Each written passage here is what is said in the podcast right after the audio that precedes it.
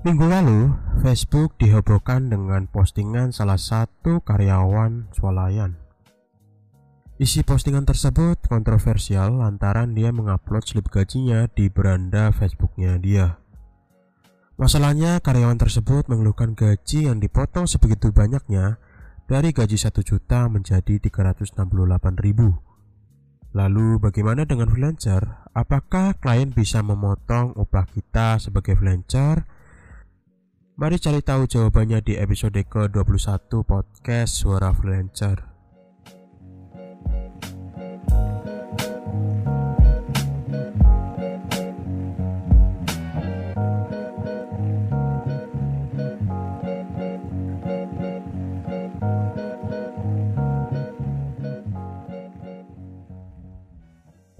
Hai sobat revisian, gimana kabarnya? Waduh, tinggal tiga bulan lagi ya menuju tahun baru 2022. Ya, emang sih nggak kerasa banget ya. Tahu-tahu udah bulan Oktober. Masih ingat banget dulu eh, tahun baru itu kan nggak bisa ke mana-mana ya karena COVID. Tapi sepertinya ya di tahun 2022 besok kita bisa merayakan karena melihat uh, kasus COVID juga turun gitu kan. Mungkin karena orang sudah pada divaksin ya, aku pun juga sudah divaksin dosis kedua. Dan sorry banget nih podcast episode kali ini nggak pakai video ya, karena ya kondisi rekaman saat ini emang uh, setelah vaksin, jadi ya masih butuh recovery gitu kan. Jadi ya mungkin untuk episode selanjutnya ya kita kembali lagi ke podcast video. Jadi saat ini ya teman-teman hanya bisa mendengarkan di podcast platform doang. Gitu. Oke, jadi minggu kemarin itu heboh banget tuh postingan salah satu karyawan karyawati tepatnya di uh, Facebook ya awal mulanya. Jadi dia itu mengeluhkan gaji yang dipotong banyak tuh sekitar 600 ribu lebih. Jadi yang sebelumnya itu 1 juta menjadi 368 ribu. Wah, banyak banget. Mulai 50% gitu. Sebenarnya kasus ini uh, sudah apa ya? Sudah selesai. Bahkan aku cek beritanya pun ya kedua belah pihak sudah menyelesaikan kasus ini uh, dengan cara mereka namun uh, aku sedikit membahas ya. Siapa tahu kan di sini sobat freelancer kan nggak tahu gimana uh, kronologinya. Jadi itu uh, gaji satu juta itu dipotong dari tiga aspek. Yang pertama itu dari dia cuti sakit tiga hari.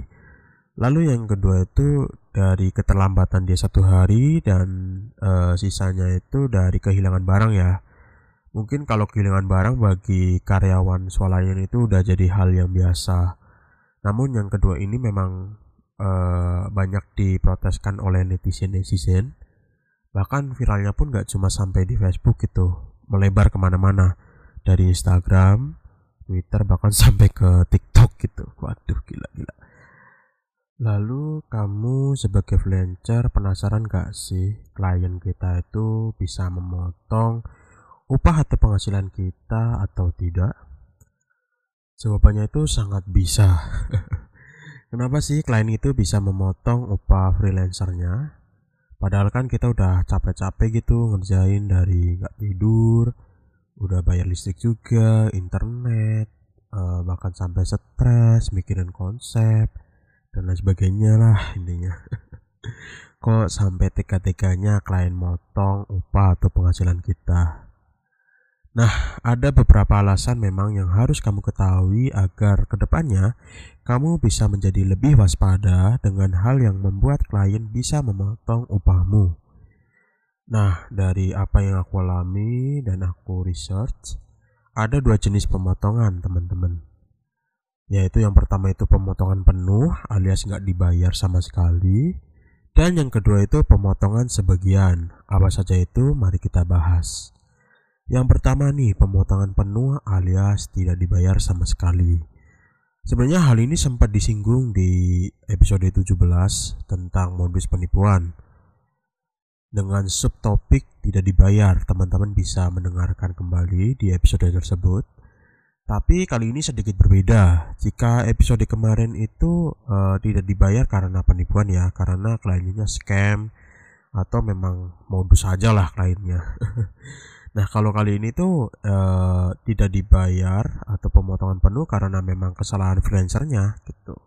Contohnya ya macam-macam sih. Ada yang klien memang gak suka dengan hasilnya, ada juga yang freelancernya itu tidak bisa memenuhi ekspektasi dari kliennya. Lalu pernah juga ketemu klien makelar yang di mana klien makelar itu kan pasti punya klien lagi. Lalu dari klien makelar itu uh, dia itu minta pembatalan yang memang alasannya nggak jelas sehingga makelar itu harus membatalkan juga project yang diberikan kepada freelancernya. Ada lagi juga yang udah direvisi berkali-kali Freelancernya sudah semaksimal mungkin tapi klien tetap gak suka sehingga klien itu minta projectnya dibatalkan dan meminta dananya dikembalikan penuh. Beberapa kali aku pernah juga ngalami uh, pemotongan penuh atau nggak dibayar ini dari platform uh, Fiverr. Jadi nominalnya itu juga lumayan besar sekitar 360 dolar USD atau sekitar 5 juta kayaknya.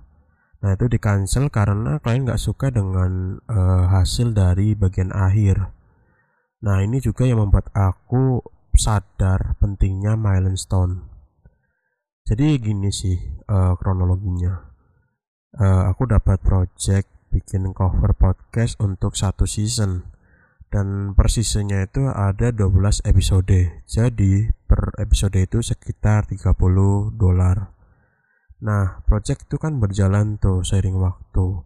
Dan di awal klien itu minta dikirim 3 episode per kiriman. Jadi klien itu nggak mau uh, pengirimnya itu langsung di akhir semua. Itu terlalu lama jadi dia minta dikirimin 3 episode per kiriman lalu itu kan dikirim tuh tiga tiga tiga sampai pada akhirnya tiga pengiriman terakhir klien gak suka dengan hasil yang kubuat.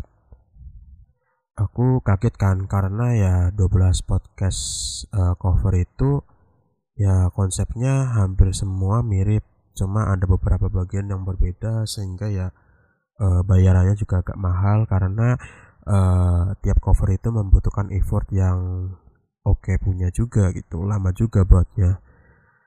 Dan aku tanyakan kan kenapa nih tiga episode cover terakhir tiga hasil terakhir ini nggak suka gitu?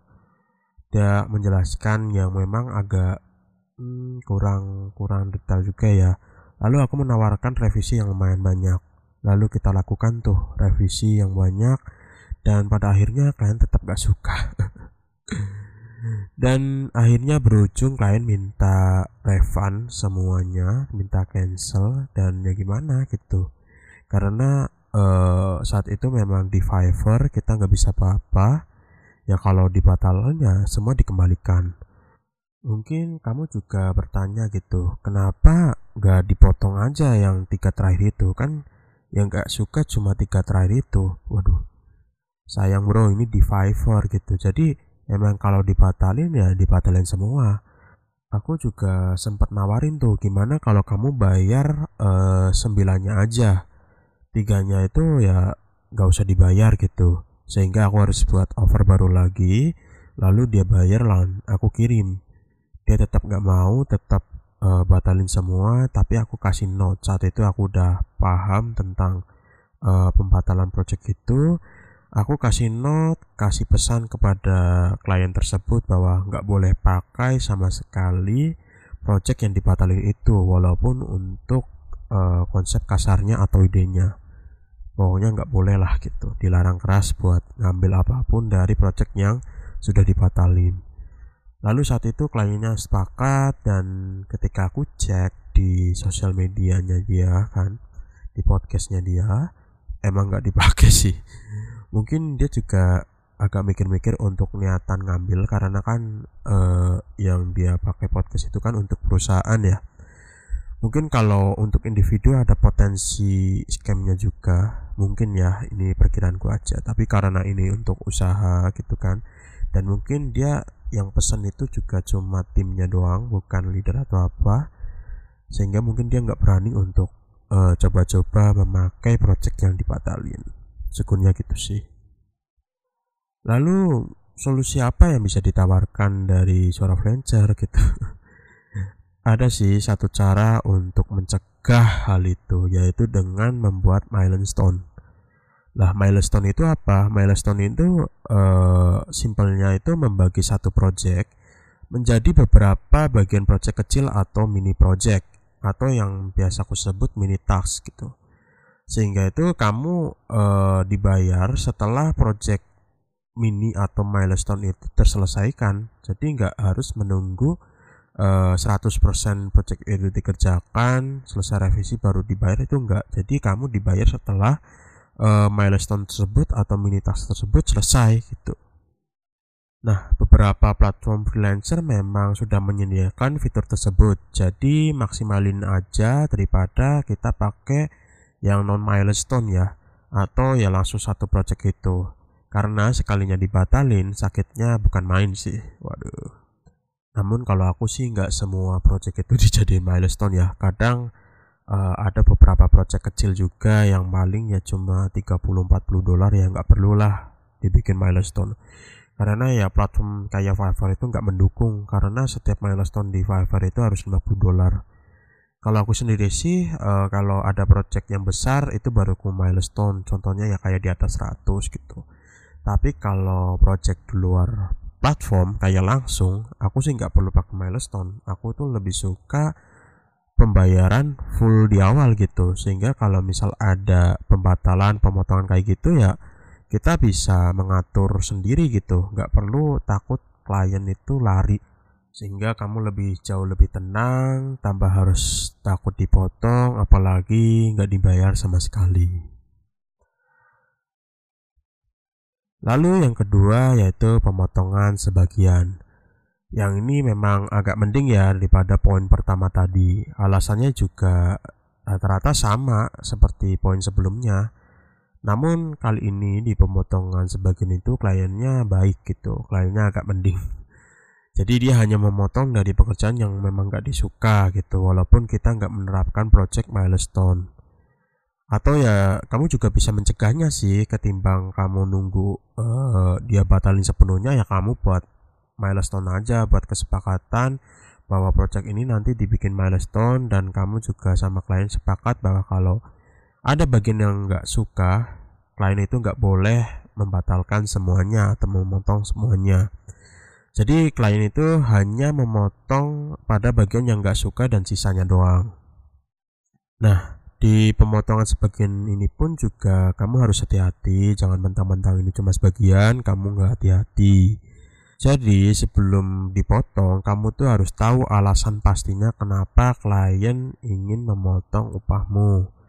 Jangan sampai kamu nggak tahu, nggak jelas juga, dan cuma alibi si klien doang. Ya kamu jadi rugi gitu. Jadi sebisa mungkin harus tahu dulu alasan pastinya.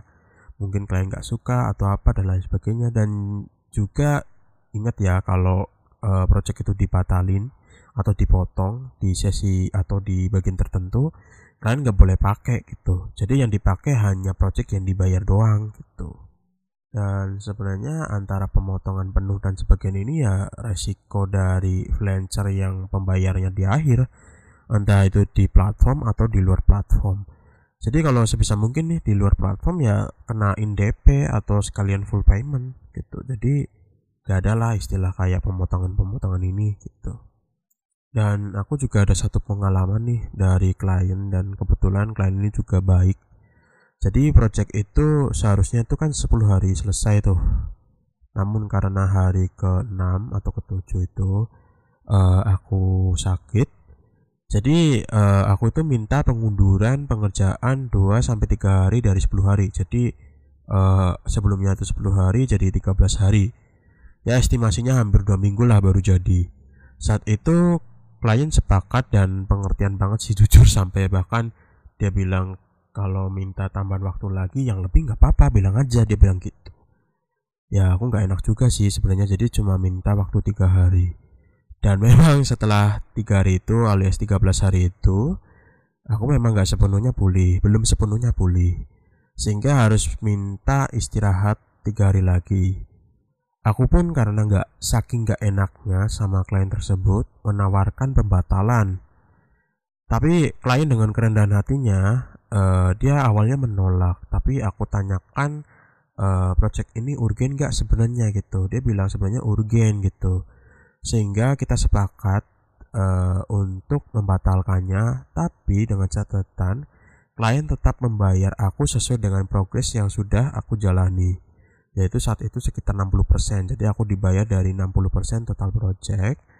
Lalu sisanya aku kembalikan tuh ke klien sekitar 40% apakah kliennya lari? Enggak kliennya pun sampai sekarang masih uh, tetap berhubungan baik dengan aku dan kasih project ke aku. Oke jadi gitu ya teman-teman. Jadi memang sih nggak menutup kemungkinan di dunia freelance pun juga ada pemotongan dan ya nggak semua klien itu baik dan nggak semua klien itu jahat. Begitu juga dengan dunia kerja. Nggak semua atasan itu jahat nggak juga semua atasan itu baik. Jadi ya semua bidang itu punya minus dan kelebihan masing-masing jadi walaupun freelancer ya tetap waspada dengan pemotongan seperti itu aku harap dengan episode ini uh, kamu juga semakin mengerti dan waspada dan jika teman-teman ingin mendukung suara Flancer, caranya sangat gampang, cukup klik follow atau subscribe channel suara Flancer. Dan kamu juga bisa menemukan suara Flancer di Instagram. Di situ hampir tiap hari update tips seputar freelance. Sekian dari aku, di Febrianto. Sampai jumpa di episode selanjutnya. Bye.